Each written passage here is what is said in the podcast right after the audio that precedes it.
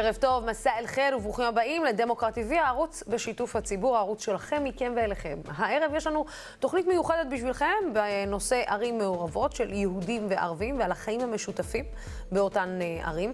הערב אנחנו נדבר על עכו, יפו, ירושלים, לוד, רמלה וחיפה. יהיו איתנו תושבים מאותן ערים ומומחים שונים בנושא. נדבר בין היתר עם חבר הכנסת לשעבר זוהיר בהלול מעכו, עם חברת הכנסת נעמה לזימי שמגיעה מחיפה וגם עם ראש עיריית לוד יאיר רביבו. ואת התוכנית הזאת אנחנו נפתח עם שלושה אורחים שידברו איתנו על ערים שונות. אני רוצה להגיד ערב טוב להנה דביה, אה, ביה. נכון. ביאה, אה, רכזת מיזם ערים מעורבות ביוזמות אברהם. בזום מצטרף אלינו איזי כרמון, מנכ"ל המרכזים לצדק חברתי, וגם חבר הכנסת לשעבר העיתונאי ואיש התקשורת זוהיר בהלול מעכו. שלום, שלום אה, אה, לכם. אני ברשותכם, רבותיי, אתחיל עם אה, האישה שיושבת איתי כאן אה, אה בפאנל. הנדי, את יודעת, עברנו שנה מאוד אה, קריטית. אה, גם גל הטרור האחרון, נקרא לו, אם אנחנו קוראים לו גל, או ההסלמה האחרונה שאנחנו חווים אותה בימים האחרונים, מגיעה בתקופה שבה אפשר להגיד, אנחנו עדיין מדממים מפצע שלא ממש הצלחנו לא לתפור אותו וגם לא לשים עליו פלסטר מאירועי מאי. תקשיבי, זה תמיד המצבים המורכבים אותנו, באמת תופסים אותנו לא מוכנים. לבוא ולצפות לגל הבא או להסלמה הבאה, זה לא, זה לא ציפייה ריאלית. אנחנו תמיד אה, דרוכים לצערי במדינה אה, לכל התרחישים שיכולים להגיע. אה, ואני חושבת, זה נכון, זה עוד לא עברה שנה מאירועי מאי, אבל יכול להיות גם שיעברו עשר שנים, כל עוד שאנחנו לא מטפלים את זה לעומק ולא עושים טיפול, שור, טיפול שורש נכון, עדיין זה יתפוס אותנו לא מוכנים.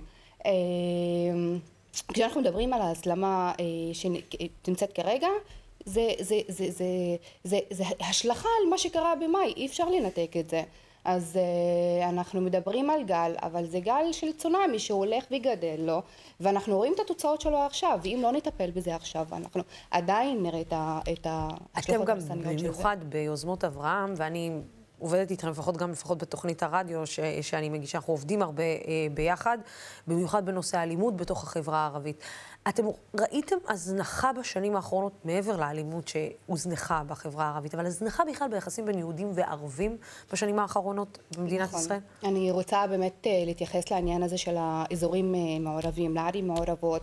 אה, מועצות מעורבות, אנחנו הולכים לתקופה ואנחנו הולכים למקום שהעיריות הולכות יותר ויותר מעורבות. אנחנו רואים שהאוכלוסיות יותר מתערבבות להם. זה פח... העניין הוא עכשיו פחות הומוגני. נכון שיש ערים של אה, חברה ערבית וחברה יהודית, ואנחנו רואים יותר התערבבות של ה... של, ה, של האוכלוסיות ביחד. מאין אה, ברירה גם. אה, נכון, כי יש מחוסר ברירה ומחוסר...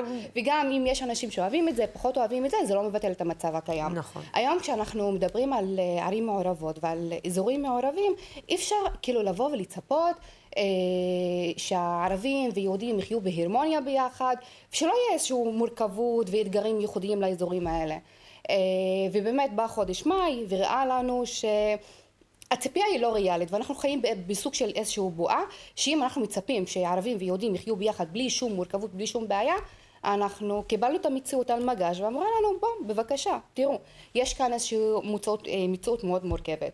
אה, היום גם כשאנחנו אה, ביוזמות אברהם, במיזם של ערים מעורבות, שאגב המיזם שלנו לא קם אחרי מאי, אנחנו לא קמנו מתוך המהומות, המיזם שלנו כבר קיים ארבע שנים אה, של ערים מעורבות ועכשיו אחרי מאי ברגע שזיהינו אה, שיש באמת מורכבות שיש משהו יש עניין קונקרטי שצריך לטפל בו אה, ואנחנו מבינים כארגון משותף שאנחנו מבינים שיש כאן שתי סוג, שני סוגים של, של דברים שצריך לטפל בהם. קודם כל אנחנו נדבר, נדבר במישור הראשון של שוויון וצמצום פערים. היום אה, אה, אנחנו מצפים מכל זירה מוניציפלית שבאמת תדאג לכל, לכלל התושבים שלה. אה, אם זה באמת מהרמה הכי פשוטה שיש, של אפילו מפוסט בפייסבוק, שיהיה גם מונגש בשפה הערבית וגם יהיה מונגש בשפה העברית. אנחנו רוצים שהשירותים המוניציפליים יהיו מותאמים בצורה מיטבית, גם לחברה הערבית כמו שהם מותאמים לחברה היהודית. אני רוצה לקום בבוקר, אני מעכו אגב. אני רוצה לקום, לקום בבוקר, וילדים שלי גם יקומו בבוקר, ויראו שזה המקום שלהם, זה המקום שלהם, הם שווים בין שווים, הם שייכים למקום הזה. ואם אנחנו מדברים על העניין של אה, שילוב והיכרות בין שתי חברות, הרי אנחנו חיים במציאות שנקודת המוצא שלה זה הפרדה. היום גם אם אנחנו חיים בערים מעורבות, עדיין יש את השכונות של הערבים והשכונות של היהודים. נכון. אפשר לראות את זה, גם לא צריך לנחש איזה של, של מי של מי. אה, ואנחנו אומרים שכל עד שהעירייה לא אה, תחשוב על איך באמת אה, לעודד חיים משותפים, אם זה ברמה של פיזית, של לבנות מרחבים משותפים לשתי האוכלוסיות, אם זה מבחינת לא יודעת, תרבות, ספורט, זה דברים שבאמת לא מבדילים בין דת ו- ועדה, אנחנו רוצים להפגיש בין, בין התושבים ביחד, וגם אם אנחנו מדברים ברמה מוסדית. היום זה לא נתפס שבכל עיר מעורבת לפחות שיהיה בית ספר דו-לשוני. נכון. אני גם כאימא אני רוצה שיהיה בית ספר דו-לשוני, אני רוצה שהבן שלי ייחשף לצד השני. ואם אנחנו מדברים גם מבחינת מפגשים בין שתי האוכלוסיות, אני, אני, ש... אנחנו תכף נרחיב גם על העניין הזה, גם כן. כאימא, גם כאימא לילדים בתוך עיר מעורבת, גם על התקופה שעברנו, אני כן רוצה אה, להרחיב על זה, אבל אה, אה, זוהר, אני רוצה לפנות אליך, אתה יודע, מי כמוך יודע מה אה, כל, מהי המהות של הקיום המשותף? אנחנו כבר מזמן לא רוצים לקרוא לזה דו-קיום, אנחנו קוראים לזה קיום משותף. ואתה יודע, ההרגשה היא שעם השנים הלכנו, ו... או לפחות ההרגשה שאנחנו מרגישים היום, שעם השנים הלכנו והתרחקנו. השאלה היא האם זאת הרגשה נכונה מהתקופה שאתה מכיר יותר מאיתנו, יותר ממני, יותר מהנדי, שהיו תקופות אחרות. האם באמת פעם היינו יותר קרובים, או שהיום אנחנו בעצם הרבה יותר רחוקים, האחד אה, אה, מהשנייה? לוסי, מעולם לא היינו קרובים, מעולם. אנחנו רוצים אה, לרסק את הבדיה ואת האשליה. אה, מעולם לא היינו קרובים, אה, ומי ששומע את הזכרה של הנאדי יחשוב לתומו שמדובר בבעיה דמוגרפית. הבעיה היא לא רק דמוגרפית, הבעיה היא חיים משותפים במרקמי, במרקמי חיים משותפים אמיתיים בין ערבים לבין יהודים, ואין. אין בתוך שתי החברות ממשקים אמיתיים של חיים משותפים לצערי הרב. אני מזהה בתקופה האחרונה אה, הפרדה עוד יותר עמוקה, הפרדה שיונקת יותר אה, משנאה יוקדת אה, של האחר, והכל נובע מאי היכרות של האחר. דמי בעיני רוחך, לוסי, שאנחנו מדברים על ערים מעורבות, שבעיר המעורבת, למשל שלי, עכו, ואני מבין שגם של הנאדי, אין בית ספר משותף מאז קום המדינה ועד היום. לא ברור. ואני לא מדבר על בית ספר דו-לשוני, אני ממש מתנצל. בית ספר לשוני הוא לא משאת נפשי. משאת נפשי שנצא מן הקופסה, שנייצר בתי ספר משותפים. כאשר בני שמונה היום, באירוע הבא שאולי יקרה, נניח, עוד עשור, בגיל שמונה עשרה, הם יתחברו, הבחור הערבי, הנער הערבי והנער העברי, היהודי, יתחברו תוך כדי הכרת האחר במשך עשור. הדבר הזה לא קורה. עכשיו, אם תשאלי בני סמכה, יאמר לך, אנשים שמנהלים את הערים המעורבות, יאמרו לך, לא, יש שיתופי פעולה בתחום הספורט, ויש שיתופי פעולה בענייני מוסיקה, בקונסרבטוריון וכולי וכולי. שוב מדובר בבדיה. אה, אין מתנסים משותפים. לא רק שאין בתי ספר משותפים, אפילו מתנסים הם מופרדים ונפרדים. אפילו בתי ספר, רק כדי לצאת ידי חובה, מתכנסים במפגשים שעליהם מתהדרים. ולא הוא הדבר, בתי ספר אה, לא יכולים לייצר אה, סדירת חיים, מה, מהמילה אבניו, סדירת חיים אמיתיים שממשיקה בין שני הציבורים. ולכן אני, דרישתי היא כדלקמן, לפני שהפיצוץ הבא יגיע אל, אל פתחנו שוב. כי הרחשים הטקטוניים, ואני מסכים עם אה, אה, הנאדי, הרחשים הטקטוניים קיימים כל הזמן, הם מבעבעים כל הזמן, והם מאיימים להתפרץ על פנינו כל הזמן. ולכן מה שאני מציע זה בתי ספר משותפים, אני מציע מתנסים משותפים, ואני מציע לטפל באוכלוסיות המוחלשות בערים המעורבות, כי הרווחה יכולה להקהות את עוקץ החיכוך. אה, עוד נקודה מאוד חשובה, בעיר המעורבת שלי יש תופעה שאני קורא לה נערי הברזלים. את בוודאי מרימה גבה, לוסי, לא? לא, לא, אני לא מרימה גבה, אני מכירה את זה. אני מכירה את זה מדימונה. נערי הברזלים האלה... גם מנצרת אני מכירה את זה. הם בוהים שעות, ואלה נערים בגיל 18, 19, אפילו קצת פחות, אלה שנסעו מבית, מבית ספר, אין להם מסגרות, הרי אנחנו יודעים שבחברה הערבית, בין הגילאים 18 ועד 24, אה, אין מסגרות אה, שיקלטו אותם, בעוד שנער יהודי הולך לצבא, מתעצב את דמותו, הוא מקבל אה, באמת, הייתי אומר, חיזוק ותעצומות נפש, כשנער ערבי נמצא במצב כמעט, הייתי אומר, חלול מהבחינה הזו. ולכן אל החלל הזה, אל הוואקום הזה, נכנסים בוודאי אלמנטים מאוד מאוד קשים. ולכן אני בעיני רוחי רוצה לראות באמת בתי ספר משותפים, לצאת מן הקופסה, מתנסים משותפים ושיפור מצבו הרעוע של הציבור הערבי בערים המעורבות מהבחינה הסוציו-אקונומית.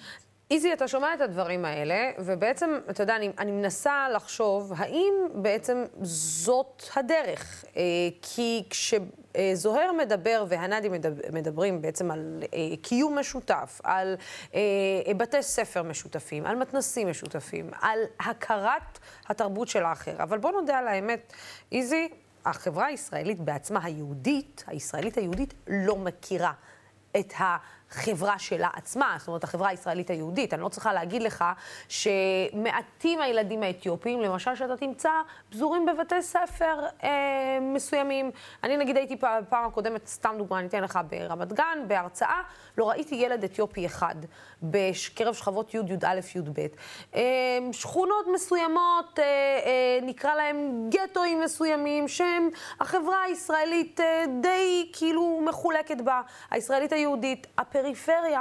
הפריפריה, שאתה יודע, אני לא צריכה להגיד לך שיש את אנשי הפריפריה ויש את אנשי המרכז. זאת אומרת, האם בכלל החברה הישראלית הגם ככה לא ממש סובלנית לאחר, יכולה בכלל להיפתח מחשבתית ללהיות סובלנית בכלל לעם האחר היושב עימה ובקרבה? אה, קודם כל, אה, תודה לוסי, והזדמנות לברך ברמדאן כרים את כל הצופים והצופות. אה, אני חושב שנגעת בנקודה מאוד מאוד נכונה ומאוד מדויקת. אני מוביל את ארגון המרכזים לצדק חברתי, שבעצם כל התפיסה שלנו באה ואומרת, זה לא יעזור התוכניות לימוד או אינטרסים גדולים או אידיאולוגיות גדולות. בסופו של דבר, אנחנו צריכים לדבר על החיים עצמם. אנחנו, כל האופן פעולה שלנו פועל בערים. אנחנו חושבים שבערים אה, מתמודדים עם הסוגיות האמיתיות של החיים, של התעסוקה, של החינוך, של החברה. אה, בגלל זה אנחנו אה, ממש נמצאים פיזית, היום מרכזים פיזיים, עם רכזים, מנהלים של מרכזים לצדק חברתי ומנהלות כמובן, שעוסקים בסוגיות של החיים, איך מקדמים אה, תשתיות טובות יותר, איך מקדמים את מצב התעסוקה ואיך מקדמים את מצב התחבורה הציבורית בעיר. על סוגיות כאלו, אז אנחנו יכולים למצוא מחנה משותף מאוד מאוד רחב, כמובן בתוך תפיסת עולם, אנחנו מקדמים בסופו של, של דבר כמרכזים לצדק חברתי, ערכים של צדק חברתי, שוויון ודמוקרטיה. אנחנו גם אה, ממש לפני שנה אה, ישבנו בבית וראינו בחרדה את התמונות מהערים המעורבות, אנחנו רוצים לקרוא להן ערים משותפות, לפחות זו התקווה שלנו. אה, וחשבנו מה התשובה שלנו לתוך מה שקורה, ואמרנו אנחנו צריכים להגיע לערים האלו. אנחנו צריכים, גייסנו את השותפים הנפלאים שלנו מתנועת הג'יאל, ובעצם החלטנו להקים מרכז לצדק חברתי ראשון בעיר מעורבת, עיר משותפת. והמקום שבחרנו להתחיל בו, אני רואה שגם בהמשך התוכנית תפגשי, תדברי עם יאיר רביבו, זה דווקא לא בלוד, אלא ברמלה. אני חושב שיש לנו פה שתי דוגמאות של ערים סמוכות, שהמנהיגות המקומית אה, נהגה בשני דרכים אחרות לגמרי, נכון. אל מול אותם מאורעות. נכון. אה, אני חושב שרמלה היא דוגמה מאוד מאוד מעניינת למנהיגות מקומית, גם של חברה אזרחית, גם מנהיגות פוליטית, גם מנהיגות דתית, שברגע של אלימות ממש יצאה לרחוב אה, ועשתה ככל שביכולתה כדי להשקיט את, להשקיט את הרוחות. מה שאי אפשר להגיד על מה שקרה אל מול השכנה שלה בלוד. אני חושב שאנחנו, אני חושב שכל החברה הישראלית מצולקת מהאירועים של לפני שנה. זה לא, זה לא אה, מדויק, זה לא מדויק, רגע. כי ברמלה לא נכנסו נערי הגבעות. נערי הגבעות הגיעו. לעכו, הגיעו ללוד, ולכן האלמנטים של החיכוך התבהרו, מהמילה בערה, התבהרו דווקא כן. בערים האלה. אי אפשר לקחת את רמלה אה. כ masterpiece, אני חושב שבאמת מנהיגות יש לה חשיבות מכרעת, אבל מצד שני אי אפשר גם לדמות את רמלה לערים מעורבות אחרות. אז, אז השאלה, אני רוצה להתחבר למה שאמרת דווקא, ולשאול את השאלה מי הם הכוחות בשטח בפעם הבאה ש, שיהיו שם, א', ימנעו מאותן אה, קבוצות קיצוניות להיכנס ולהעביר את השטח, ומצד שני, גם יעשו עבודה לא רק ברגעי שיא, אוקיי? גם בעבודה יומיומית למען אינטרסים משותפים של כל התושבים בעיר. ובאמת, אה, וכל, באמת כמו שאמרת, הערים שלנו מורכבות לא רק מיהודים וערבים. נכון. באמת מורכבות מהמון המון תתי קבוצות.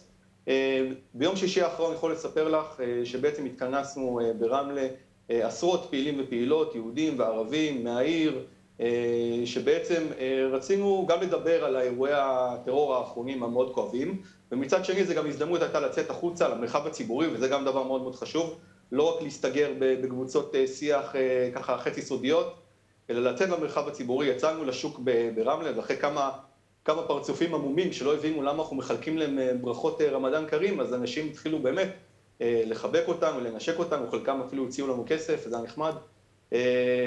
ובאמת, זה נותן לנו הרבה מוטיבציה. אנחנו עכשיו נערכים בעצם לתוכנית הכשרה בנושא חינוך, שפונה גם ליהודים וגם לערבים, שאמורה לקדם את התחום הזה ברמלה, ואנחנו כבר עוסקים בהקמה של המרכזים בערים משותפות ונוספות.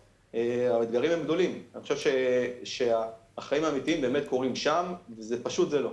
כן, אה, הנדי, את יודעת, בסוף, אה, בואו נדבר על החיים האמיתיים, בואו נפרוט את זה.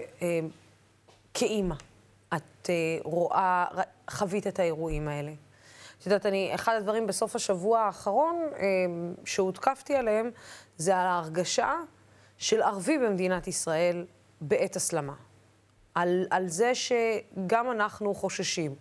אה, כערבים במדינת ישראל, כהורים, כאזרחים, גם חוששים ממה שקורה בתוך החברה שלנו, וגם חוששים מגלי הצונאמי שיבואו לאחר מכן, מפעולות נקם כאלו ואחרות. איפה את רואה את עצמך בימים האלה? גם כאימא, גם כעובדת ביוזמות אברהם, גם כאזרחית במדינה. זה הרבה מאוד כובעים לג'נגל. כן, האמת, אה, אכן, המציאות מורכבת.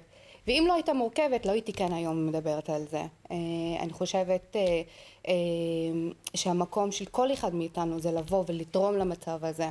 אני יודעת שאנחנו הרוב שפוי, אבל אנחנו גם דומם. זאת אומרת, קשה לנו לדבר. היום אנחנו רואות את ההתקפות על האנשים שיוצאים ומדברים, וזה צריך אומץ בסופו של דבר. כי גם אני אדבר כערבייה, את יכולה לחטוף את האש משני הכיוונים, שזה מאוד נכון. קשה. אה, ואני אדבר על זה בתור אימא. אני אימא לשלושה ילדים, שאחד מהם הוא בן עשר, ואני רוצה באמת אה, ככה לספר סתם מקרה שקרה לפני כמה, אה, לפני שבועיים. אני גרה ליד בית ספר, ויצמן בעכו, והבן שלי אומר לי, אני רוצה להיכנס לבית ספר ויצמן, אני רוצה להירשם שם, כי זה שתי צעדים מהבית שלנו, זה בית ספר טוב. מצד אחד אני רוצה שהוא ייכנס לבית ספר, זה לא משנה, כי אני לא מסתכלת עליו כשונה. אבל אה, אני מסתכלת עליו אה, ואני מתחילה לדמיין לעצמי במקרים כאלה, שבתקופות שאנחנו נמצאים בה... מה יקרה ביום, באותו יום? מה יקרה? יקראו לו אוסאמה הטרוריסט? יקראו לו אוסאמה המחבל? כאילו, למה... כאילו, אני רוצה, כולנו רוצים לגונן על הילדים שלנו, לשים, לשים אותם באיזשהו אינקובטור ולשמור עליהם, לפחות עד שיגלו את המציאות הכואבת אה, שאנחנו חיים בה. אבל לבוא ולחשוף אותו למציאות הזאת, היה לי, כאימא היה לי מאוד קשה לעשות את זה. בואו נדבר על זה גם שיש מחסור בבתי ספר, לפחות בעכו, לחברה הערבית. זאת אומרת, מבחינת גיוון אין לנו יותר מדי איפה אה, להיכנס. אמ, עכשיו איפה זה תופס אותי גם בתור עובדת אה, ביוזמות אברהם, אה, דווקא זה הנחמה שלי. אה, אני עובדת בארגון שהוא משותף, שהוא שם את החיים שותפים בראש מעיינו, אנחנו עובדים, אנחנו אנחנו גם בתקופות האלה אנחנו עובדים משעה שמונה עד השעה שמונה רק נפגשים על מנת אה, באמת להפיק לקחים ומה לעשות הלאה ואיך באמת לתפוס את הסכסוך לפני שהוא מגיע.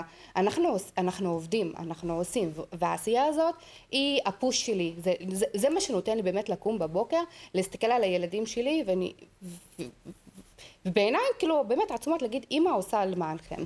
היום כשאני רואה שאנחנו ביוזמות אברהם גם בעכו שהיא עיר מורכבת No, אה, okay. כן. יש לנו את הלימוד המשותף בין בתי ספר ערבים ובתי ספר יהודים ששם אנחנו לומדים אנגלית ביחד אה, היום הארגון שלנו מלמד ערבית אה, עובדי עירייה, כאילו יש לנו לימודי ערבית אה, לעובדי עירייה מתוך אמונה שידיעת השפה, לא, לא צריך לדבר, אבל להבין את השפה ולשמוע אותה, לנרמל את השפה הערבית, זה, זה, זה תורם אה, לצמצום הניכור והגזענות כלפי החברה הערבית וגם מביא את החברה הערבית למקום שלה. כן. היום כשאנחנו מדברים על סיורי רמדאן למשל שאנחנו עושים בערים מעורבות, זה להביא את החברה היהודית, להכיר את, את, את, את רמדאן.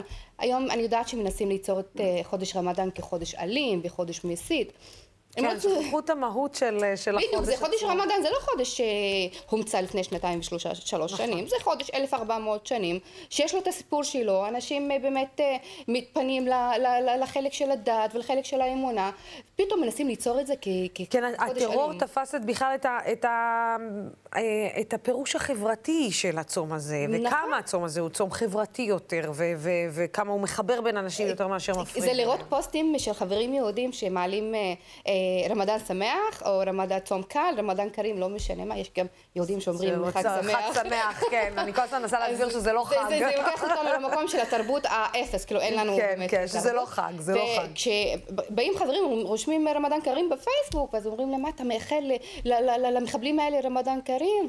כאילו, זה אפילו ברמה של לאחל לצד השני, זה כבר נתפס כמשהו שהוא אסור לדבר עליו.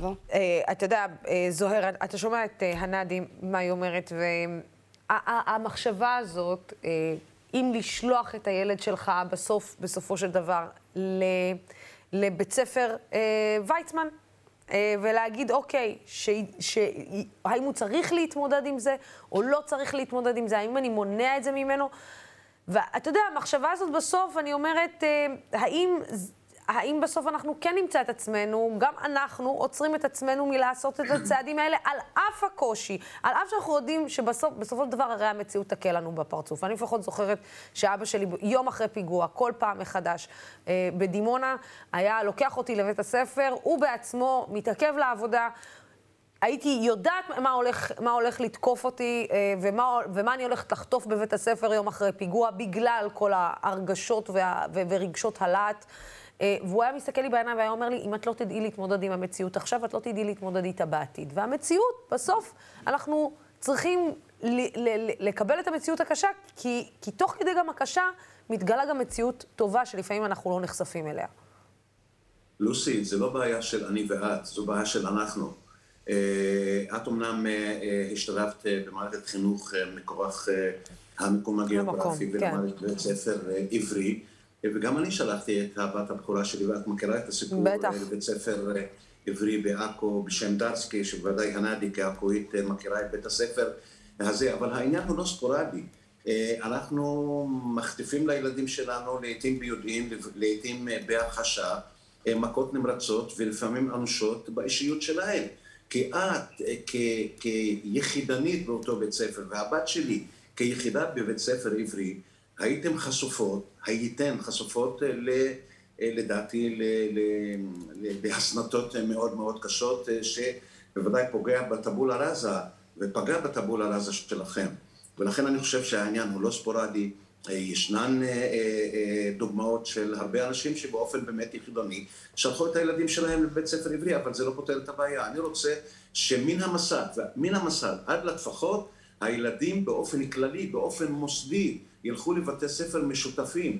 כשדיברתי איתך על הנערים, נערי הברזלים, התכוונתי לעניין שלא הצלחתי אולי להעביר אותו.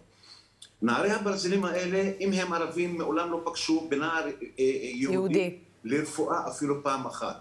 יתרה מכך, הנערים האלה מעולם לא נכנסו לביתו של אה, אה, אותו נער באותו, אה, באותו גיל, לבית שלו, לדירה שלו, לא התוודעו להורים שלו, ל, ל, ל, הייתי אומר להרגלים שלו, לחגים שלו. עכשיו אנחנו אה, לפני פסח, לדעתי, רוב הנערים הערבים אינם יודעים מה זה פסח. כן.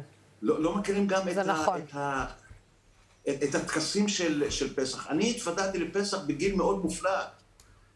זה פאק רציני במערכת ההיכרות שהיא נגזרת מחיים משותפים. הרי מתי נכיר אחד את השני? הנערים האלה, נערי הברזלים, בוהים בנער יהודי בזעם. הנער היהודי, במקום להתקרב אליהם, מתרחק מכיוון שכל השטח המנד... המנדטורי של עכו הופך להיות נחלתם של ערבים, מכיוון שהיהודים, ברגע שהם רואים זחילה של, של אה, אה, ערבים אל השטח המנדטורי, הם עוזבים למקומות מרוחקים, וככה ההפרדה מתנצחת מהמילה נצח, הופכת לנצח נצחים, ואנחנו לא מתקרבים אחד מן השני. את יודעת מה מפריע לי? מפריע לי שכל מי שמטפל בסוגיה הערבית-יהודית, מטפל בסוגיה הזו באמצעים הארכאיים, בתפיסת עולם ארכאית. מה שהיה מבחינתם הוא מה, ש... מה שהווה או מה שיהיה. לא יוצאים מן הקופסה, לא מנסים להתעמת ולהישיר מבט עם המציאות ולנסות ולשנות דיסקט. צריך פשוט לנסות ולשנות את הדיסקט באופן מהפכני, באופן דרסטי, באופן רדיקלי, כדי לייצר חיים משותפים. כי אם אני לא אכיר את היהודי במנהגיו, בחגיו, במכאוביו, בתרבותו, בנרטיב לא שלו, ברור. ברור. בוודאי, הוא גם לא ירגיש אותי באותה, באותם פנים מאוד חשובים אה, בחיים המשותפים. לכן, לדעתי, אף אחד לא יוצא עדיין מן הקופסה, הרכשים הטקטוניים עדיין מבעבעים, הפיצוץ הבא בפתח. אמ, איזי, אתה שומע גם את הנדי וגם את זוהר. בסוף הרי זה חוזר להנהגה והחלטות אה, מנהיגותיות. אה, וכשאין לנו מנהיגים בעצם בעת האחרונה, אה, שבראש ובראשונה מבינים שבסוף אנחנו חיים תחת אותה פיסת שמיים, כאן אולי מתחילה כל הבעיה, בכך שמערכת החינוך לא מפנימה את זה, מערכת הביטחון לא מפנימה את זה, מערכת הרווחה לא מפנימה את זה, המערכת של השלטון המקומי לא מפנימה את זה. בסוף זו גם הנהגה שצריכה לקחת אחריות. אני רוצה לתת איזושהי פרספקטיבה, פרספקטיבה אולי קצת אחרת. אני חושב שבהרבה מובנים אירועי מאי היו אולי איזושהי תגובת ריאקציה דווקא לכן שינויים שקורים בשטח. אני חושב שכן יש יותר ויותר גם מנהיגים, גם פוליטיקאים, גם במפלגות המרכז והשמאל, ואפילו בימין, שמבינים שבסופו של דבר אף אחד לא הולך לשום מקום, וכדי שהכלכלה תתקדם והמדינה תתקדם, ובאופן כללי לאזרחים יהיה פה יותר טוב, אה, אי אפשר אחרת, פשוט אי אפשר אחרת. ואני חושב שאנחנו רואים כבר עכשיו תוכניות ממשלתיות, אה, בהרבה מובנים חסרות תקדים, שלפני אולי עשור היו נראות דמיוניות, שכן מיושמות, שכן אה, בחלקן דורשות שיפור, אבל אנחנו כן רואים מנהיגים שמדברים על זה בצורה ברורה, אני רואה שגם אה, נעמה עוד מעט תצטרף אלינו, נעמה לזימי, והיא ורבים ורבות מנהיגים פוליטיים, וגם בשטח, שמדברים בשפה אחרת שאולי לפני עשור לא, לא היינו שומעים אותה. כן. אני חושב שגם האחריות הזאת היא עלינו כאזרחים, אני יכול להגיד עליך גם על עצמי. אני עד לפני חמש שנים, הנושא הזה כמעט לא, לא פגש אותי בשום נקודה, אני חייתי אה, בעיר שלי, ברחובות, הדבר הזה בכלל לא הרלוונטי. אני חושב שרק באמצעות היכרות והבנה שכמה הנושא הזה באמת קריטי, ואי אפשר באמת להשאיר, להסתיר, להסיט את המבט הצידה. אה, ואנשים כמוני ועוד אלפי אזרחים ואזרחיות מודאגים, שעושים אה, צעדים, אה, נוקטים בפעולות, מגיעים לערים מעורבות, מגיעים לערים ערביות, וגם בצד השני. זאת אומרת, עושים פעולה ומאמץ אמיתי בסופו של דבר כדי להבטיח את הקיום שלנו כאן, כן. וגם של הילדים שלנו, שבסופו של דבר אנחנו רוצים שכולם יהיו פה בארץ. כן, זה זוהר בהלול, הנאדי, ביעה ואיזי... אולי רק משפט אחד. בטח, בטח, בטח. לוסי, תשמעי, לעניינים הלאומיים בוודאי יש נתח מאוד מאוד חזק בתמונת המצב בהפרדה בין שתי האוכלוסיות. מה שקרה נניח בשייח' ג'ראח בוודאי ישליך על הערבים בתוך המדינה וישליך על היהודים בתוך המדינה. יש כמובן השפעה די, די רצינית, די מסיבית לעניינים הלאומיים, שלא צריך כמובן להסתיר את העניין הזה, כמובן. אלה דברים שיישארו איתנו עד לנצח נצחים. אבל מן הצד השני צריך קצת מתינות, צריך קצת, אה, את יודעת, מקוריות והשראה. כדי לצאת לדרך חדשה. מסכימה לחלוטין. זוהר בהלול, אה, איזי כרמון והנה דביעה, תודה רבה. שוקרן, שוקרן. תודה רבה. ורמדאן כרים, כלסינו אינטו סלמין. כן, עכשיו אנחנו נמשיך את השיחה על הערים המעורבות עם עוד שלוש אורחות uh, מכובדות ונפלאות. ערב טוב לפדה אשחאדם, שלום, שלום לך, חברת uh, מועצת העיר לוד, לדניאל ברונשטיין ממיזם יפו בוחרת בחיים, שלום, שלום לך, וגם uh, חברת הכנסת נעמה לזימי ממפלגת העבודה, שלפני שנכנסה לכנסת, היא בכלל הייתה במועצת העיר חיפה, מכירה את כל עניין הערים המעורבות ואת כל המיזמים לקיום משותף טוב מאוד. ברשותך, נעמה, אני אתחיל עם הבנות לענות אה, כאן אה, באולפן, אה, ואני כן רוצה לשאול אתכן, אמ, איך לא מרימים ידיים? דניאלה. אמ, קודם כל לא מרימים ידיים כי, תראי, יפו היא מקום שאני בחרתי בו כבית, מקום שבו אני מרגישה הכי בטוחה. בכל מצב של הסלמה ובאירועי מאי. יפו זה מקום של אה, שותפות, יפו זה מקום שבו שתי השפות נשמעות, יפו זה מקום של בליל של זהויות ומגלל שזה מקום שבו אנחנו, יש לי את היכולת להיות אישה, גם דתייה, גם מאמינה, אה, לפגוש חברות מוסלמיות, לפגוש חברות נוצריות, לדבר, לראות, לחוות את, ה, את השפה את השפה הערבית ואת השפה העברית, זה המקום שבו אני מרגישה הכי הכי בטוחה. וזה בעצם להיאחז בשכנים ובשכנות שלי, שהם האנשים הכי חשובים שלי. הם המשפחה שלי, וזה משהו שמתקיים ביפו, וזאת זכות להיות ביפו, זו זכות להיות בעיר משותפת, בעיר מעורבת. אז אה, זה לחלוטין להיאחז בשכנות. אני אשאל אותך אה, וזה, כמה ו... תל אביב-יפו היא, ב... היא לא תל אביב ויפו. שונות לחלוטין. ו... כן, תל אביב ויפו. שונות לחלוטין. ו... אני כן, ילידת תל אביב, ש... הן שונות. אני חושבת שזה מה שאנשים מפספסים כשהם מדגישים את תל אביב-יפו, זה לא תל אביב ויפו. אה, תראי, בסוף, אה, את יודעת, יפדה, אני, אני, אני מנסה לחשוב על איך בעצם... איך, איך עוברים את זה? זאת אומרת, את יודעת, אני, אני, איך עברתם בכלל את כל התקופה הזאת, פדה? איך, איך עיכלתם את התקופה הזאת? איך יוצאים בכלל מהתקופה הזאת? אה, ואז פתאום אנחנו נכנסים לעוד גל של הסלמה. אני מקווה שלא. אה, גם אני לא חושבת שאותם אירועים יחזרו, אה, לא בתקופה הקרובה, אני חולקת על רוב האנשים. באמת? כן. כי זה, רוב האוכלוסייה היא התעייף, אנשים מדברים על, על כל האירוע בחוץ, אבל אנשים נפשית הם גם עייפים, וזה חלק מהסיפור. הסיפור הזה, אף אחד לא מזכיר אותו, לא מדבר עליו, על כל הפצע הזה הנפשי שאנשים חווים. לא מזכירים חובים. אותו ולא מדברים עליו כי... אתה יודע, כי, כי מה? כי, כי בדרך כלל, לי עצוב שערים מעורבות עלו לכותרות, והערבים בערים מעורבות עלו בכותרות רק במאי. הסיפור שלנו הוא לא חדש, אנחנו לא נמצאים שם לפני יומיים, אנחנו נמצאים בוא. שם מאז שהמדינה הזאת קמה. אה, ופתאום בגלל אירוע חריג של חמישה ימים, אוקיי, אני מסכימה עם כל הצדדים, זה אירוע קשה מכל צד, מכל כיוון. אני לא אומרת שהתקשורת לא תדבר עליו והעולם לא ידבר עליו, אבל זה, זה, זה היה חריג. וצריך לזכור שהאנשים האלה חיו לפני והמשיכו לחיות. עובדתית, אנחנו ממשיכים לחיות, אין אה, רצח ברחובות, לא רואה, כאילו. לצערי כן, בימים האחרונים יש, אבל, אה, אבל אין, צריך כאילו גם לחשוב שרוב האירועים, יש מלא אירועים חיוביים וצריך גם להדגיש ולדבר עליהם.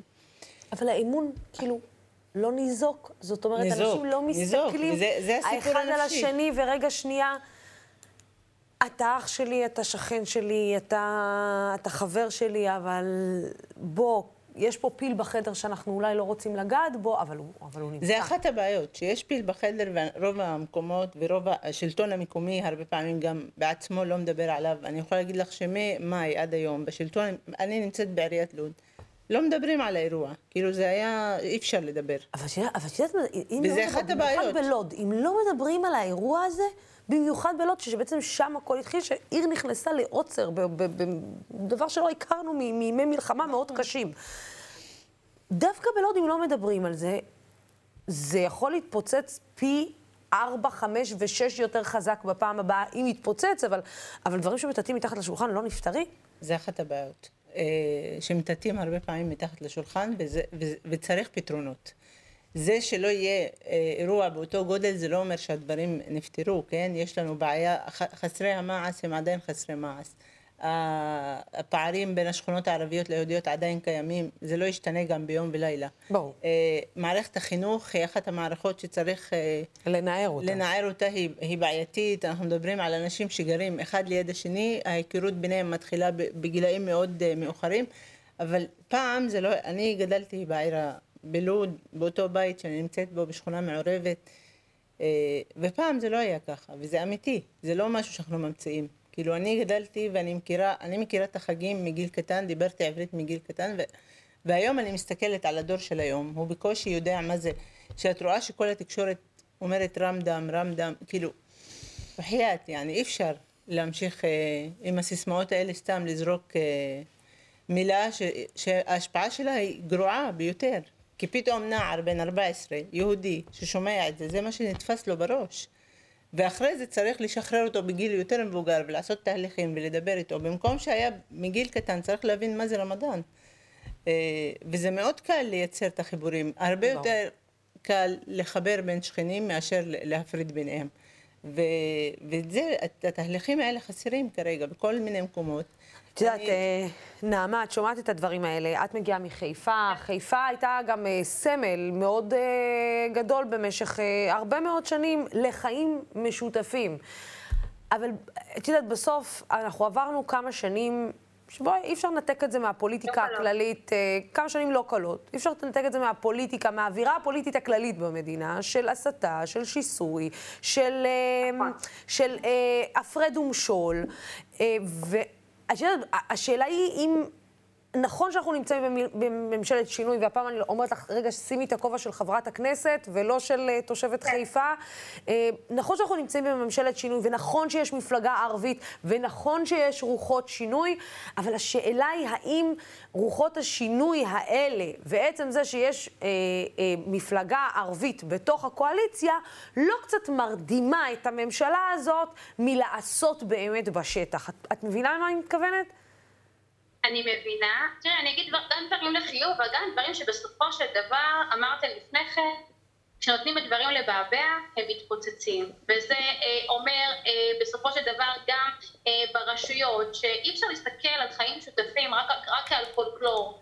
צריך לבנות חיים משותפים, צריך לייצר קשר מתמיד עם הנהגות הקהילות, לעשות דברים משותפים באמת יחד.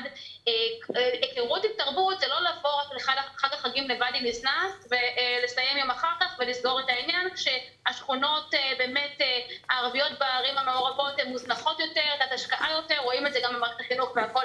צריך להשקיע בחיים משותפים באמת, במובן העמוק שיש, וכן, גם בכנסת. אני יושבת ראש השדולה לשוויון בערים מעורבות, יחד עם חברי סמי אבו שחאדה. יודעת, כשעשינו השקה לשדולה הזו, היו המון גורמים שניסו לקעקע נגד אה, ולמצוא את הסימוכין או את הסיבות למה אה, לא לקיים שדולה כזו, כשעל מה אנחנו בעצם מדברות כאן? על שוויון בערים מעורבות, נושא שעל פניו אמור להיות ניטרלי לחלוטין. גם אי אפשר לא לדבר על חלוקת משאבים ועל ניתוח כלכלי-חברתי כדי לייצר חיים משותפים. מי שחושב שדיכוי כלכלי גם ובמשאבים יכול לייצר מרקם אמיתי של חיים משותפים, הוא טועה והוא אפילו עושה את זה די בציניות ובמכוון.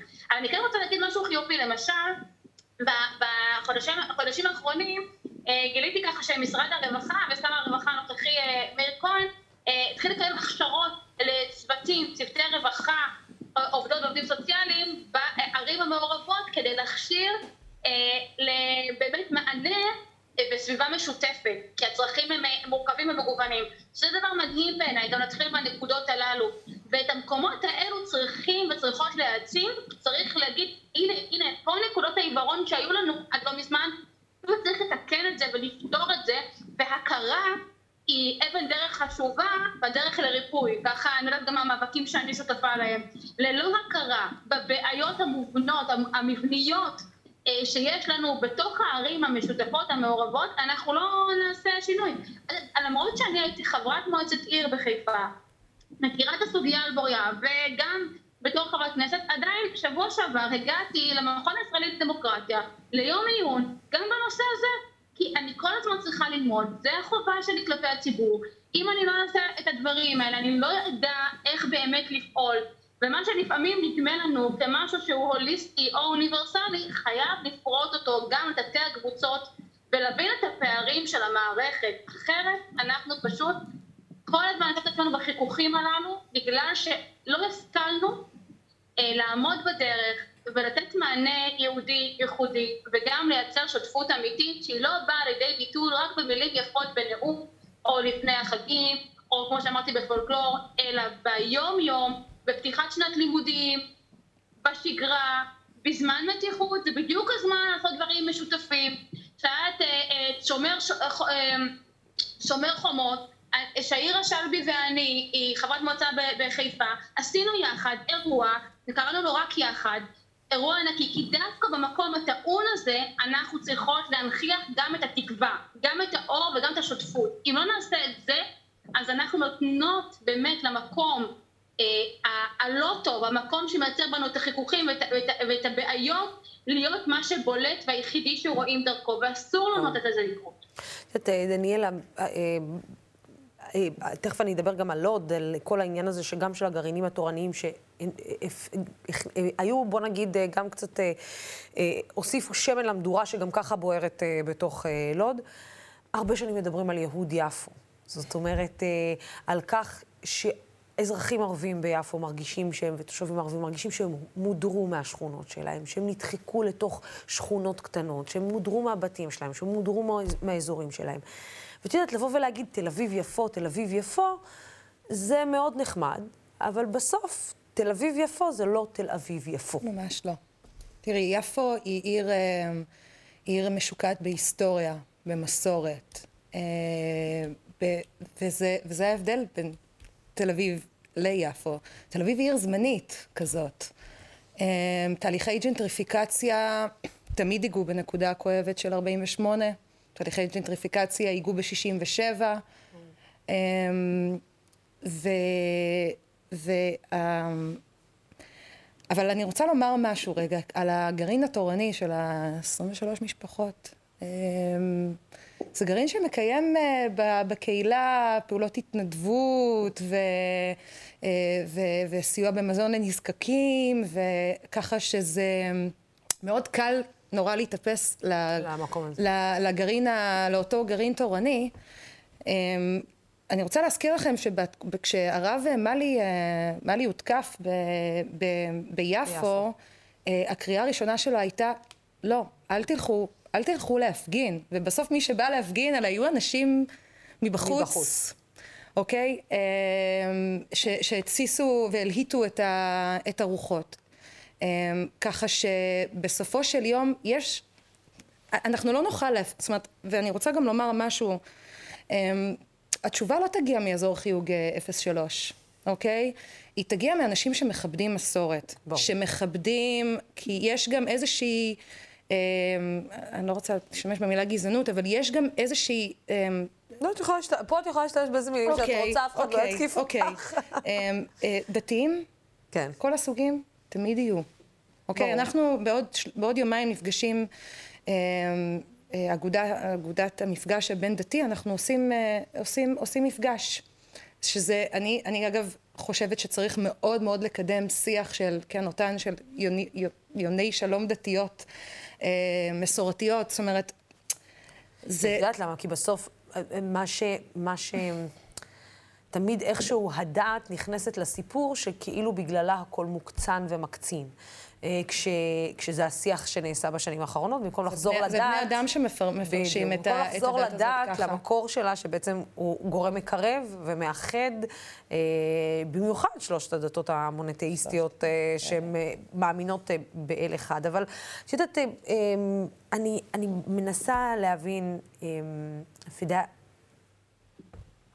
האם בכלל מה שנאמר כאן, זאת אומרת, אה, גם העניין של הגרעינים התורניים, האם זה רק היה עוד איזשהו נדבך שהתווסף למשהו ש, שלא, שלא מתנהל נכון, או שלא התנהל נכון שנים? זה בעיקר גם אה, השכונות הסגורות של ערבים, חוסר ההשקעה בשכונות uh, סגורות של uh, ערבים בתוך uh, העיר לוד, ההפרדה הזאת של ערבים ויהודים שלא באמת חיים, חיים, אוהבים להגיד, מה, אני גרתי בלוד, אני גר עם ערבים, אני גר, בא מרמלה, אני גר עם... זה לא ג'ר... באמת... מה שקרה בשייח' ג'ראח, למשל, במהומות הקודמות, חלחל מן הסתם, ברור, ליפו, כש, כשזרקו רימוני הלם באל-אקצא, זה מחלחל, זה פגיעה, זאת אומרת, זה, זה, זה פגיעה עמוקה בתוך ה...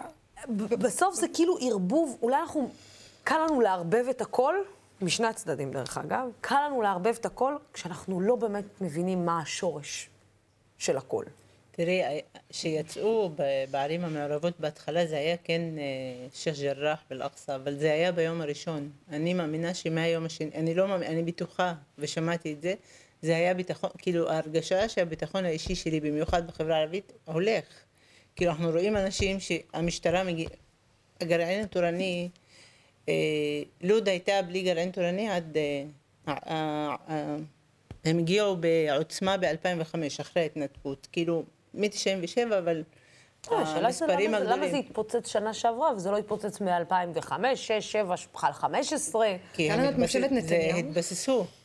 אחד, השתנתה ממשלה שהייתה גב שלהם, כן? אני לא חסידה של הממשלה הקיימת, אבל בין הממשלה הקודמת לזאת יש הבדל איך מתנהלים עם הגרעין, אפילו שראש הממשלה כרגע הוא, הוא נמנע עליהם, אבל עדיין היה הבדל. נתניהו הסית באופן יומיומי, אין צורך שמישהו אחר יעשה מאמץ. הוא כל בוקר הסית נגד החברה הערבית במיוחד, אבל הוא מאוד אהב לפלג. אה, זה השיח היומיומי שלו, ולא היה צריך עוד מישהו בשטח שיעזור לו בעבודה, ופתאום זה לא היה במאי. כאילו זה התחיל שנתניהו עדיין היה ביומיים הראשונים, ואז זה ממשיך אה, ממשלה אחרת, או כל ההתנהלות אחרי זה ממשיכה עם ממשלה אחרת. אז הם היו פחות, וגם ידעו כבר שהממשלה משתנה, ו- ו- והיה שם פחות. אני חושבת שחלק מהלהטת השיח זה היה בגלל הבחירות ובגלל השינוי שקורה עכשיו בממשלה. גם אנשי תקשורת שדאגו לעשות את זה, וגם גם. תקשורת שדאגה להלהיט את האווירה יפה יפה. כן, אבל אם קל- מסתכלים על, מאוד קל, על זה לא, מעורבות... זה לא נחמד לדבר, זה לא, סליחה, זה לא סקסי לדבר על שותפות, זה לא סקסי לדבר על תקווה, זה לא, לא סקסי אני יכולה להראות את הקול. המתון, זה לא קול המתון. אני אני יכולה להגיד זה לך לא שזה מה שנאמר חיים אה, לא- מאחורי, נכון, נכון, זה אבל לא מעניין. זה- המצוקות האלה, ש- ברור, אני מבינה אותך. המצוקות שעלו באותם ימים, שזה אם מדברים על שייח' ג'ראח ומדברים על פינוי בתים, יפו יש בה 400 פינויים, כן? נכון, אה, נכון, אנשים ש, שזה מדבר אליהם. בלוד יש, אה, יש יותר צווי הריסה מאשר פינויים, יש מעל, כרגע במספרים, יש מעל אה, 16 שקיבלו ב- בחודשיים האחרונים. 16 אה, משפחות. 16 משפחות שקיבלו צווי הריסה בחודשיים האחרונים. אני לא חוזר, אם אני אחזור אחורה, המספרים הרבה יותר גדולים. כאילו, מדברים על אלפים. אה, ו- ואף פעם לא היה פתרונות. כאילו, אף אחד לא בא ושם על השולחן את הבעיות והתחיל לפתור. לוד, במקרה החריג שלה, היא עיר מעורבת כמעט בכל בניין. כן? חוץ משתי שכונות ערביות שהן במצב תשתיתי, כאילו, הכי... גרוע. זה כאילו מחנה פליטים, והשכונה של הגרעין התורני. עכשיו, הגרעין התורני זה, זה לא התושבים שאנחנו הכרנו כל חיינו, זה, זה אליטה, זה אליטה, זה אנשים שמגיעים, אפילו שהם מחשיבים את עצמם לא לאליטה, אבל ל- ללוד, לתושבים הקיימים. יחסית כאילו למצב כן, הסוציו-אקונומי, את הקיים מדברת... בעיר, אה, הם ב- נמצאים במקום הרבה יותר חזק, הם מגיעים עם תפקידים שנמצאים או בממשלה או בתוך הרשות העירונית. הם נכנסים לכל תפקיד ואי אפשר אפילו לבוא בטענות, כי הם מגיעים עם, עם התארים הרלוונטיים, שרוב החברה הערבית לא מחזיקה בהם. אה, ואז יש את העליונות הזאת, יש גם את הפער. עליונות וגם הרגשה של... שאתה מרגיש אה, כאילו קצת אה, גם כעס כלפי מי שבא בא מבחוץ, מבחוץ ומקבל את ומקבל את הכל, ואתה לפעמים הרבה פעמים אפילו לא מנתח את זה, שהם מקבלים את זה כי אם עכשיו באחד הרחובות, איפה שמישהו מהגרעין גר, יהיה בעיה שצריך להתקשר ל-106, הוא יארגן הרבה אנשים שיתקשרו, ומול זה תושב לא יהודי ולא ערבי בעיר. בעיר לוד, זה לא מעניין, לא, לא יצליח יעשה את זה לא ואין לו את הכוח. אין לו את הכוח, אין לו את הרצון גם. אין לו את ה... כן, הם נמצאים קצת במצב של ייאוש. עכשיו, מה שעוד חיזק כל זה, זה, הייתה התקשורת. התקשורת נתנה במות, כי, כי אחד, כאילו אני הייתי עולה מלא לתקשורת. בכל ראיון כמעט, הייתי מול שלושה ארבעה אנשים שהם ימין, דוברי גרעין, כאילו, והתקשורת נותנת להם את המקום ואת הבמה, והם מדברים. ואז התושב שרואה חדשות, הוא מבין שאין לו מקום שם. וזה, וזה שמעתי מלא, כאילו, קיבלתי מלא ביקורת על, על זה שאני נמצאת בתקשורת הישראלית, ואז הייתי שומעת שאת היחידה כאילו שיכולת להביא שם משפט שונה ממה שקורה. והתקשורת לא הייתה בשום מקום מביאה את השוויון הזה של להביא עיר מעורבת, אפילו תושב להזכיר אחד... לך כמה, כמה נאמרה המילה סימטריה. ב, כן. ב, ואני יכולה להגיד לך סימטריה, אין ש- סימטריה, אין סימטריה, כשאנחנו לא מבינים שיש סימטריה, במיוחד בעיר כמו לוד, דרך אגב, יש סימטריה, אה, דווקא מתוך המקום הזה שערבים ויהודים חיים בכל העיר ביחד. אזרחים ותיקים מהעיר, יהודים, גם הייתה להם ביקורת שאף אחד לא הזכיר אותם בתקשורת. הם לא היו, לפחות, זה מצחיק, אבל החברה הערבית פתאום קיבלה את המקום מול הגרעין והיא נלחמה, והאזרח הוותיק היהודי, אף אחד לא נלחם בשמו. הוא פתאום נעלם, אחד הנעלמים שנמצאים בכל הסיפור, שהוא בכלל, לא שמע- הוא, לא הוא השותף שלי, אף אחד לא שמע אותם. ואם נחזור לשותפות, זה, זה השותף שלי במשך כל השנים האלה. עם, עם, הבן, עם האנשים האלה גרתי עד היום. פתאום אני לא נמצאת מולם. כאילו, אני לא אמורה, אף אחד לא מנסה אפילו לנהל אין לי להם שיח. קול. אין כן. להם קול. אה, אה, נעמה, את, את שומעת את הדברים האלה, ואת בעצם אומרת לעצמך, אוקיי, מה התפקיד שלנו? כי, כי בואי, בסוף אנחנו חוזרים אה, ל, ל, לשורש של השורש של השורש אה, של הבעיה. והשורש של הבעיה בסוף הוא, הוא מה ההחלטות שאנחנו לוקחים בתור הנהגה במדינה. זאת אומרת, מה שינוי הדיסקט שצריך להתקיים בתוך המדינה. זאת אומרת, אם זה תיקון חוק הלאום, שזה כבר צעד. אם זה החזרת המעמד של השפה הערבית לשפה רשמית במדינת ישראל, אם זה הכנסתה לתוכנית הלימודים, אם זה שינוי תוכנית לימודים, אה, את יודעת, זה דברים קטנים, אבל בסוף זה צעדים לא, שמדברים לא, לכל כך הרבה אה, אה, אנשים בצעדים בוני אמון, ואם הצעדים בוני האמון האלה לא יבואו כ, כתוכנית עבודה מהממשלה עצמה או מהמדינה עצמה, אנחנו יכולים להסכים פה עם עצמנו עוד הרבה זמן, אבל שום דבר לא יתקדם. וזה כמובן מצטרף, קודם כל, כל מה שאמרת נכון אה, באופן מלא, זה כמובן מצטרף גם לסוגיית הביטחון האישי, סוגיה מאוד uh, קשה.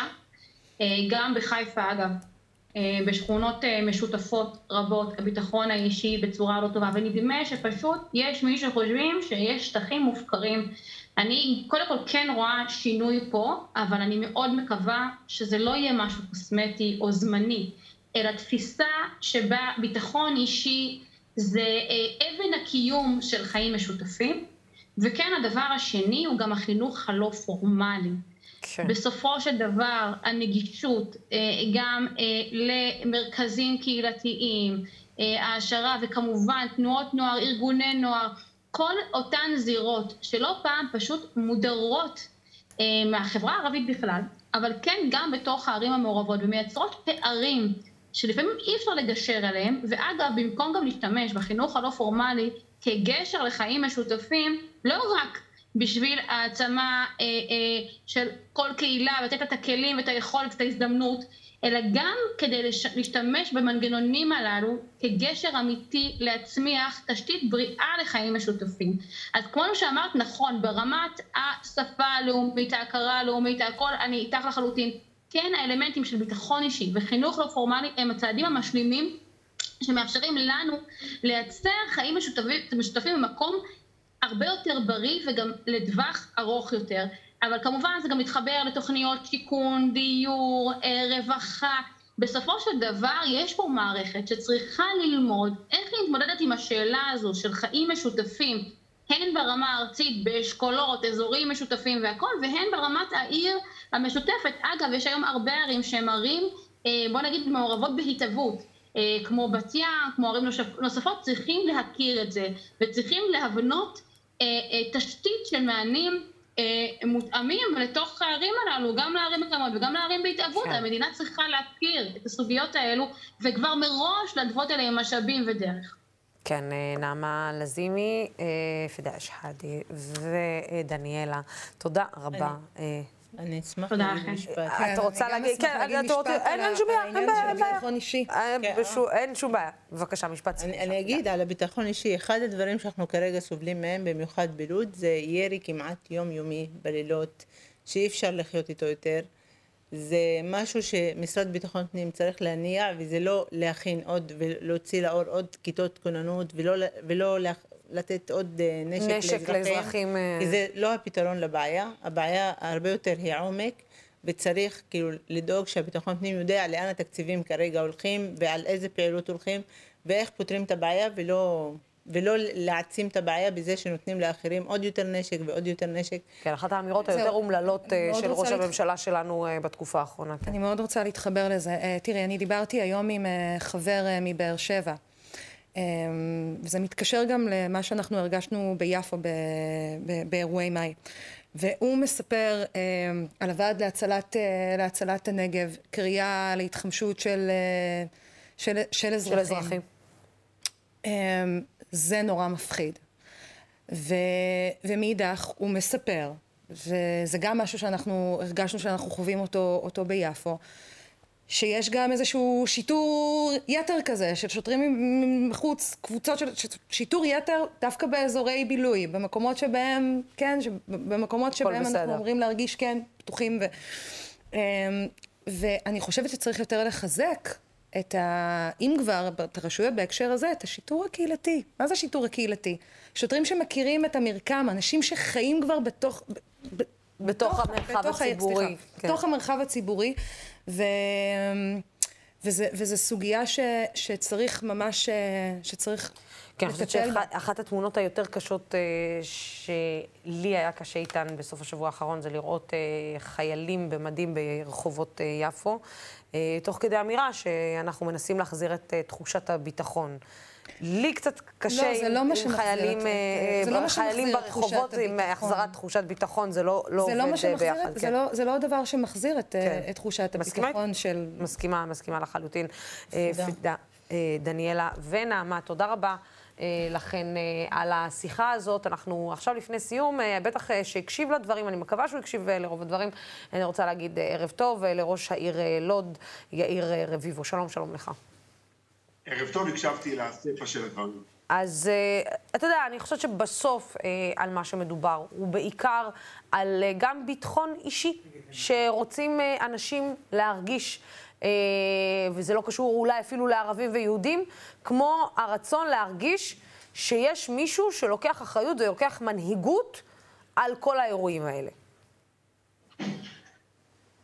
אני מסכים, בסוף אה, הביטחון האישי זה היכולת של אזרח במדינת ישראל להרגיש בטוח אה, במקום שהוא גר בו. אה, בדרך כלל, בשנים האחרונות, הביטחון האישי הוא בירידה מתמדת, זה, ואנחנו עכשיו חווים את זה גם כן עכשיו, מה שנקרא, ב, בגל הפיגועים האחרון. אבל לאורך שנים, מי שחש את זה, זה מתחיל במעגלים. קודם כל החברה הערבית עצמה, במעגל הראשון, במעגל השני היהודים בערים המעורבות, ובמעגל השלישי אה, כלל אזרחי המדינה.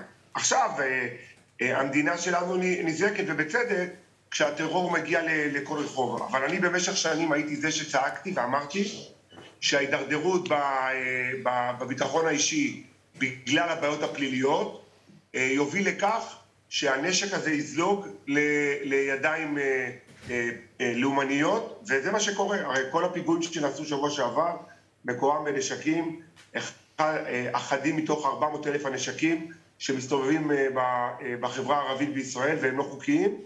ובוא נגיד ככה, היום יש יותר, יותר קל להשיג נשק מאשר- מאשר בובת ברבי. כן. אם אני ארצה להשיג בובת ברבי, כנראה שאני לא אצליח להשיג, אבל אם אני ארצה נשק, אני אה, פשוט אצטרך לפתוח את הארנק שלי ויקבל כל נשק שאני רוצה. אתה יודע, אני, אני מאוד מעניין אותי, אה, יאיר, לשאול אותך, במשך שנים אתה מזדעק על הדברים האלה, אתה מתדפק על דלתות, אה, גם מהמשרד לביטחון פנים, אני מאמינה שגם על דלתות משרדים כאלו ואחרים בממשלה. ואומרים לך מה, בתור ראש עיר, אה, ל, אתה יודע, וגם מישהו, חבר מועצה או ראש עיר, עוד, עוד לפני שנפ... אומרים לך מה, זה לא מעניין אותנו, בסדר, בסדר, אנחנו נטפל, אה, זה לא בראש מעיינינו כרגע, כי ההזנחה הזאת הרי אנחנו יודעים שהיא היא התפוצצה עכשיו, אבל היא לא משהו שקרה ביום או יומיים. תראו, אני, אני עשר שנים ראש עיר, ולקח לי אולי כמה חודשים, תשע וחצי שנים אני אה, מתריע על הנושא הזה, וכל מה שאמרת זה נכון. הממשלה אומרת, זה לא מעניין אותנו, המדינה אומרת, במי, אני עכשיו אומר הכל במילים אחרות, כי אף פעם לא כן, אמרו כן, לי את כן, זה ישיר. ברור, ברור. אבל אה, יש איזשהו שיח שאומר, כל עוד ערבי הורג ערבי, זה לא אייטם, זה לא סיפור, זה לא מעניין אף אחד. ואני ניסיתי, אה, בתור יהודי, שאני ראש עיר חשובה, חשבתי שאולי לי יקשיבו יותר. אני הייתי ממפלגת השלטון, אני... אז, אז, אז יותר הקשיבו לי, כי לי יקשיבו יותר מאשר לראש עיריית אום אל-פחם, טירה או, אה, או נצרת. יקשיבו לי, מקשיבים לי יותר, כי אני גם, אני, בכל הצניעות, אני מוביל דעת קהל, ואני אומר את הדברים בפנים. אז אני לא אומר שלא הצלחנו בכלל, אבל כתפיסה, התפיסה שלי אומרת שכל עוד זה לא קורה באזור תל אביב, אז זה לא מעניין אף אחד. ועובדה ש-127 ערבים נרצחו בידי ערבים שנה שעברה, ורק, ורק, כל אחד זה הרבה, 30 יהודים בידי יהודים, כאשר אנחנו מכירים מה היחס האוכלוסייה פה, אז זה לא משנה, וזה לא משנה גם אם השנה הזאת רצחו 200 ערבים, זה לא אירוע. אבל אתה יודע למה זה לא? זה לא אירוע.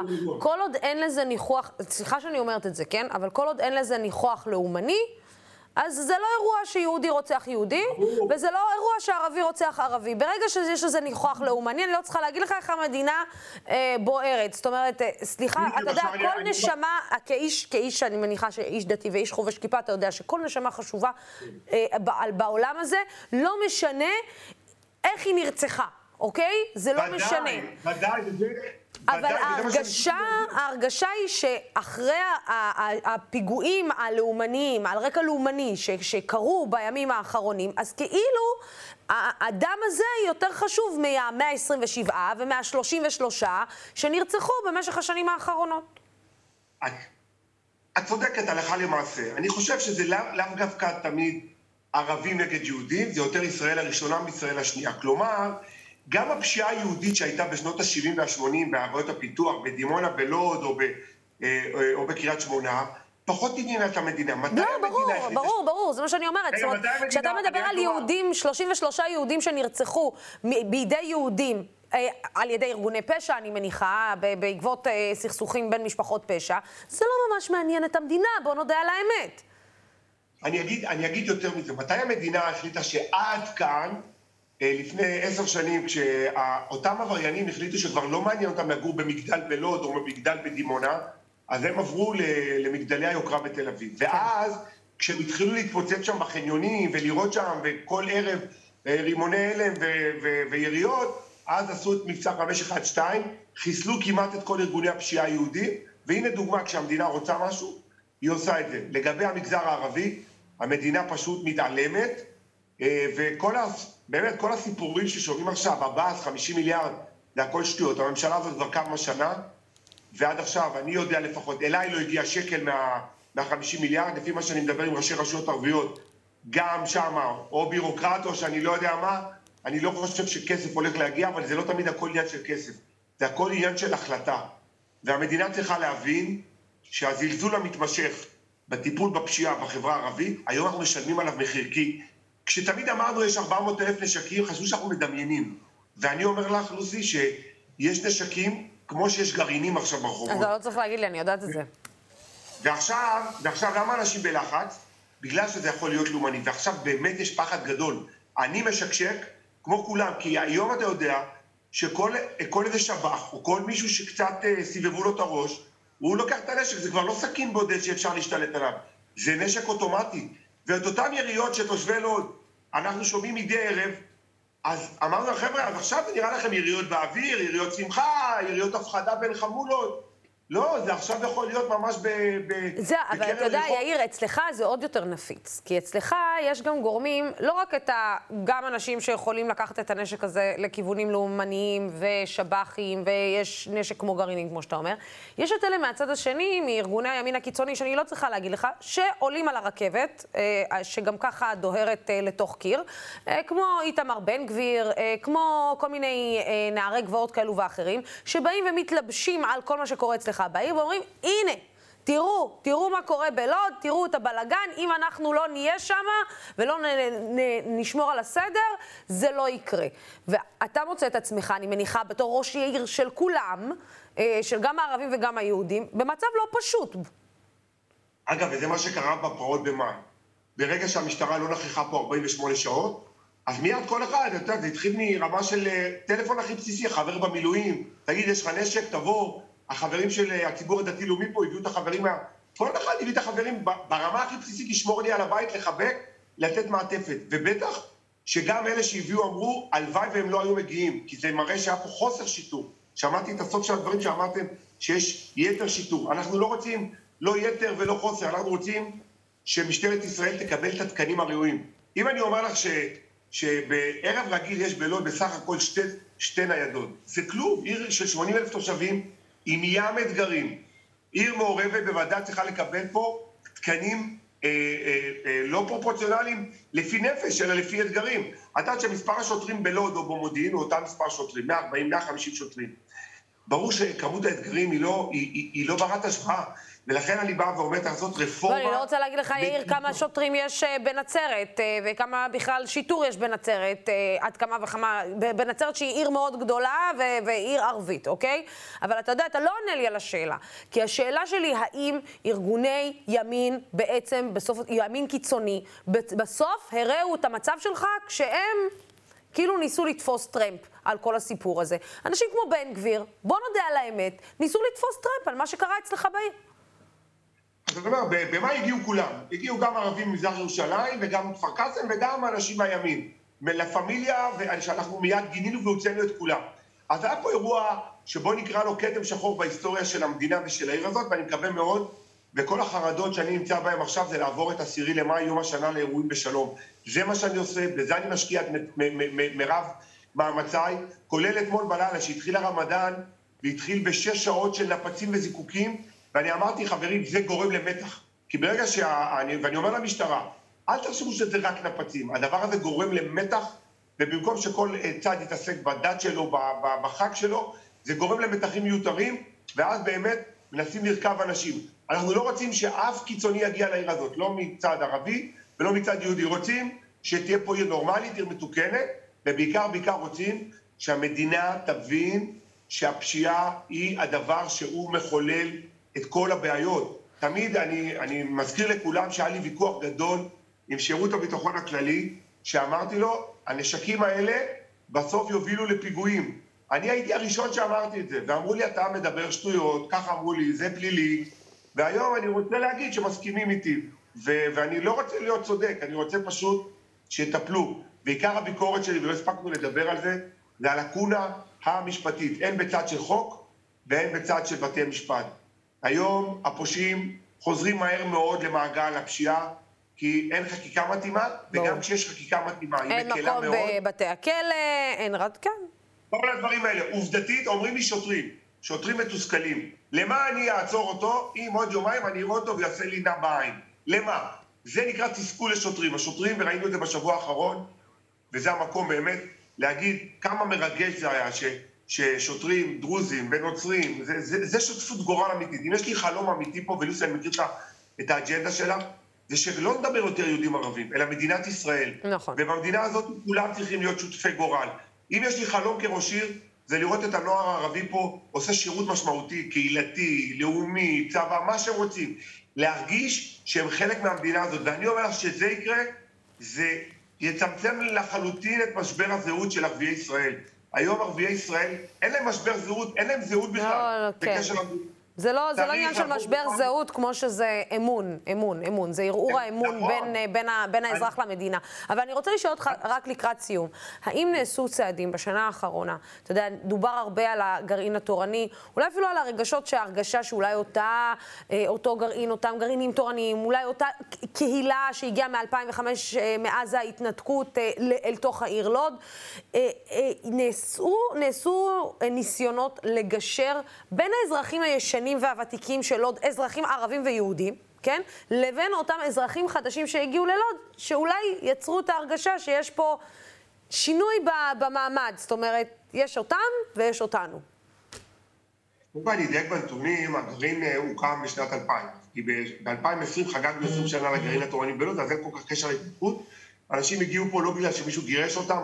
אגב, אין אף משפחה בלוד היום שמקורה בגוש קטיף, אז, אז זה, לא, זה לא שם. Mm-hmm. זה תנועה של, של גרעינים תורניים שהוקמה בסוף שנות ה-90 כדי לבוא ולהגיד לפריפריה, הנה אנחנו עושים מעשה. וזה בעיקר בעיקר מגיע מצעדים התיישבותיים, קהילתיים, חינוכיים, פחות בקטע שבאנו לגרש ערבים, צריך לשים את זה על השולחן, כל הזמן זה עולה, וזה לא נכון, ובטח אין קשר של משהו שלפני 20 שנה לאירועים שקרו שנה שעברה. זה, אני יודע שזה נרטיב שמאוד אה, קל אה, לחזור עליו וכולי. אני יכול להגיד גם שלמעט האירועים האלה של מאי, ביום יום החבר'ה מהציבור הדתי-לאומי אומרים לי, אנחנו מתים לעזור לחברה הערבית, אנחנו מוכנים לפתוח פה מרכזי גישור, מוכנים לסייע. אנחנו מבינים שיש פה בעיקר בעיה של תקשורת, הבעיה של תקשורת בתוך המשפחות הערביות גורמת לכך שסכסוך רגיל, במקום שיגמר בהידברות או בבית משפט או, ב, או אצל הקאדי, נגמר ישר ביריות, אנחנו מוכנים לבוא ולעזור. אין פה מתח באמת יהודים ערבים, אבל מה שקורה, היריות האלה גורמים אחר כך למתח הזה. בשנה האחרונה, בהחלט אחרי השבר הגדול של עוד עברה, אני לקחתי על עצמי לנסות ולחבר חזרה את כל, ה, את כל השברים. זה באמת אה, מלאכת אומן. אחרי שהחברי מועצה הערבים יצאו מהקואליציה, חידשנו את הקשר איתם ואת ה, את התהליך. אני יכול להגיד שעשינו תהליך מאוד יפה בהכנה לרמדאן, מבחינת ההכנות שלה בצד הפיזי, קישור, תאורה, אירועים. אנחנו באמת באמת רוצים לחבר, ובאמת רוצים אה, לקרוא לזה לא דו-קיום. אני חושב שהמושג הזה דו-קיום קצת התפוצץ בפנים לכולם. זה חיים משותפים. יש פה חיים משותפים, יש פה עיר מעורבת, וזאת המציאות. את יודעת, לוסיה, אני תמיד אומר, שראינו את זה עכשיו בפיגועים האחרונים, שפתאום ראיתי איזה, סי... איזה אימא בגן בתל אביב שיש לה סייעת ערבייה, והיא לא רצתה שהיא תבוא. אז זה מיד מזכיר לי את הביטוי, דו-קיום, אבל לא בדו שלי. החבר'ה האלה שגרים במקומות האלה, שבדרך כלל אין שם ממשק עם ערבים, הם מאוד רוצים שיהיה דו-קיום, בלוד, במקומות אחרים, אבל לא בדו שלי, לא אצלהם. אנחנו לא, בלי סיסמאות, אנחנו גרים ביחד, לי יש שכנים ערבים, יש לי עובדים ערבים, יש לי חברים ערבים, זה בסדר, זה טבעי, ככה צריך להיות. אנחנו מבקשים פשוט מהמדינה לעשות כמה תהליכים. הרי כשאזרח ישראלי ערבי שקם בבוקר, מפריעים לו שלושה דברים. אחד, הפשיעה, והפשיעה היא כן. באמת מדהימה ומטורפת. הדבר השני זה מגורים, כל הדבר הזה סביב המגורים, איך הוא גר, תוכניות בנייה, שכונות, והדבר השלישי, תעסוקה מכובדת. שלושת הדברים האלה הם בחסר גדול. אז בפשיעה אני מקווה מאוד שהמדינה מתעוררת כי אין לה ברירה, כי בגלל הלאומני היא נכנסת לעניין הזה. כן. לגבי המגורים אני יכול להגיד שאני כראש עיר מוביל תוכניות גדולות מאוד להסדרת השכונות הערביות ולבניית כן. שכונות חדשות, כדי שיהיה פתרונות. לגבי תעסוקה, יש עוד הרבה מה לעשות, אני יכול רק להגיד ששבוע שעבר הצלחנו לדבר עם רשות שדות התעופה שלראשונה, דיילי קרקע יכולים להיות גם ערבים. אמרתי, מה קרה? כל אחד פה הוא מחבל, כל אחד מתפוצץ, תבדקו אותו, ואם הוא בסדר, הוא יכול לעבוד בדייל ויכול לעבוד בג'וטי סורי וכולי. אז יש פה תהליכים שכל אחד מהם יש בהם לצמצם את הניכור ואת התחושה שמשהו פה לא, לא ביחד. אני יכולה, להגיד לך, אני יכולה להגיד לך שאם ערבי ישאל אותי אם מישהו נתן לך משהו להעביר למישהו בצורה כזאת או אחרת, אני יכולה להגיד לך שזה יהיה באופן אוטומטי כבר יגרום לי להרגיש יותר טוב כערבייה בשדה תעופה. אה, אני חושבת שזה יכול לחסוך אולי לפחות 20% מהבעיות. אה, יאיר אה, רביבו, תודה רבה לך על השיחה הזאת. רמדאן קרים ופסח כשר ושמח, חג חירות שמח. תודה רבה לך. כן, ותודה רבה לצופים ולשותפים של דמוקרט TV. התוכנית הזאת אפשרית רק בזכותכם ובזכותכם, ועדיין לא הצטרפתם כשותפים של דמוקרט TV, הגיע הזמן. בינתיים, אנחנו נתראה מחר. סלאם.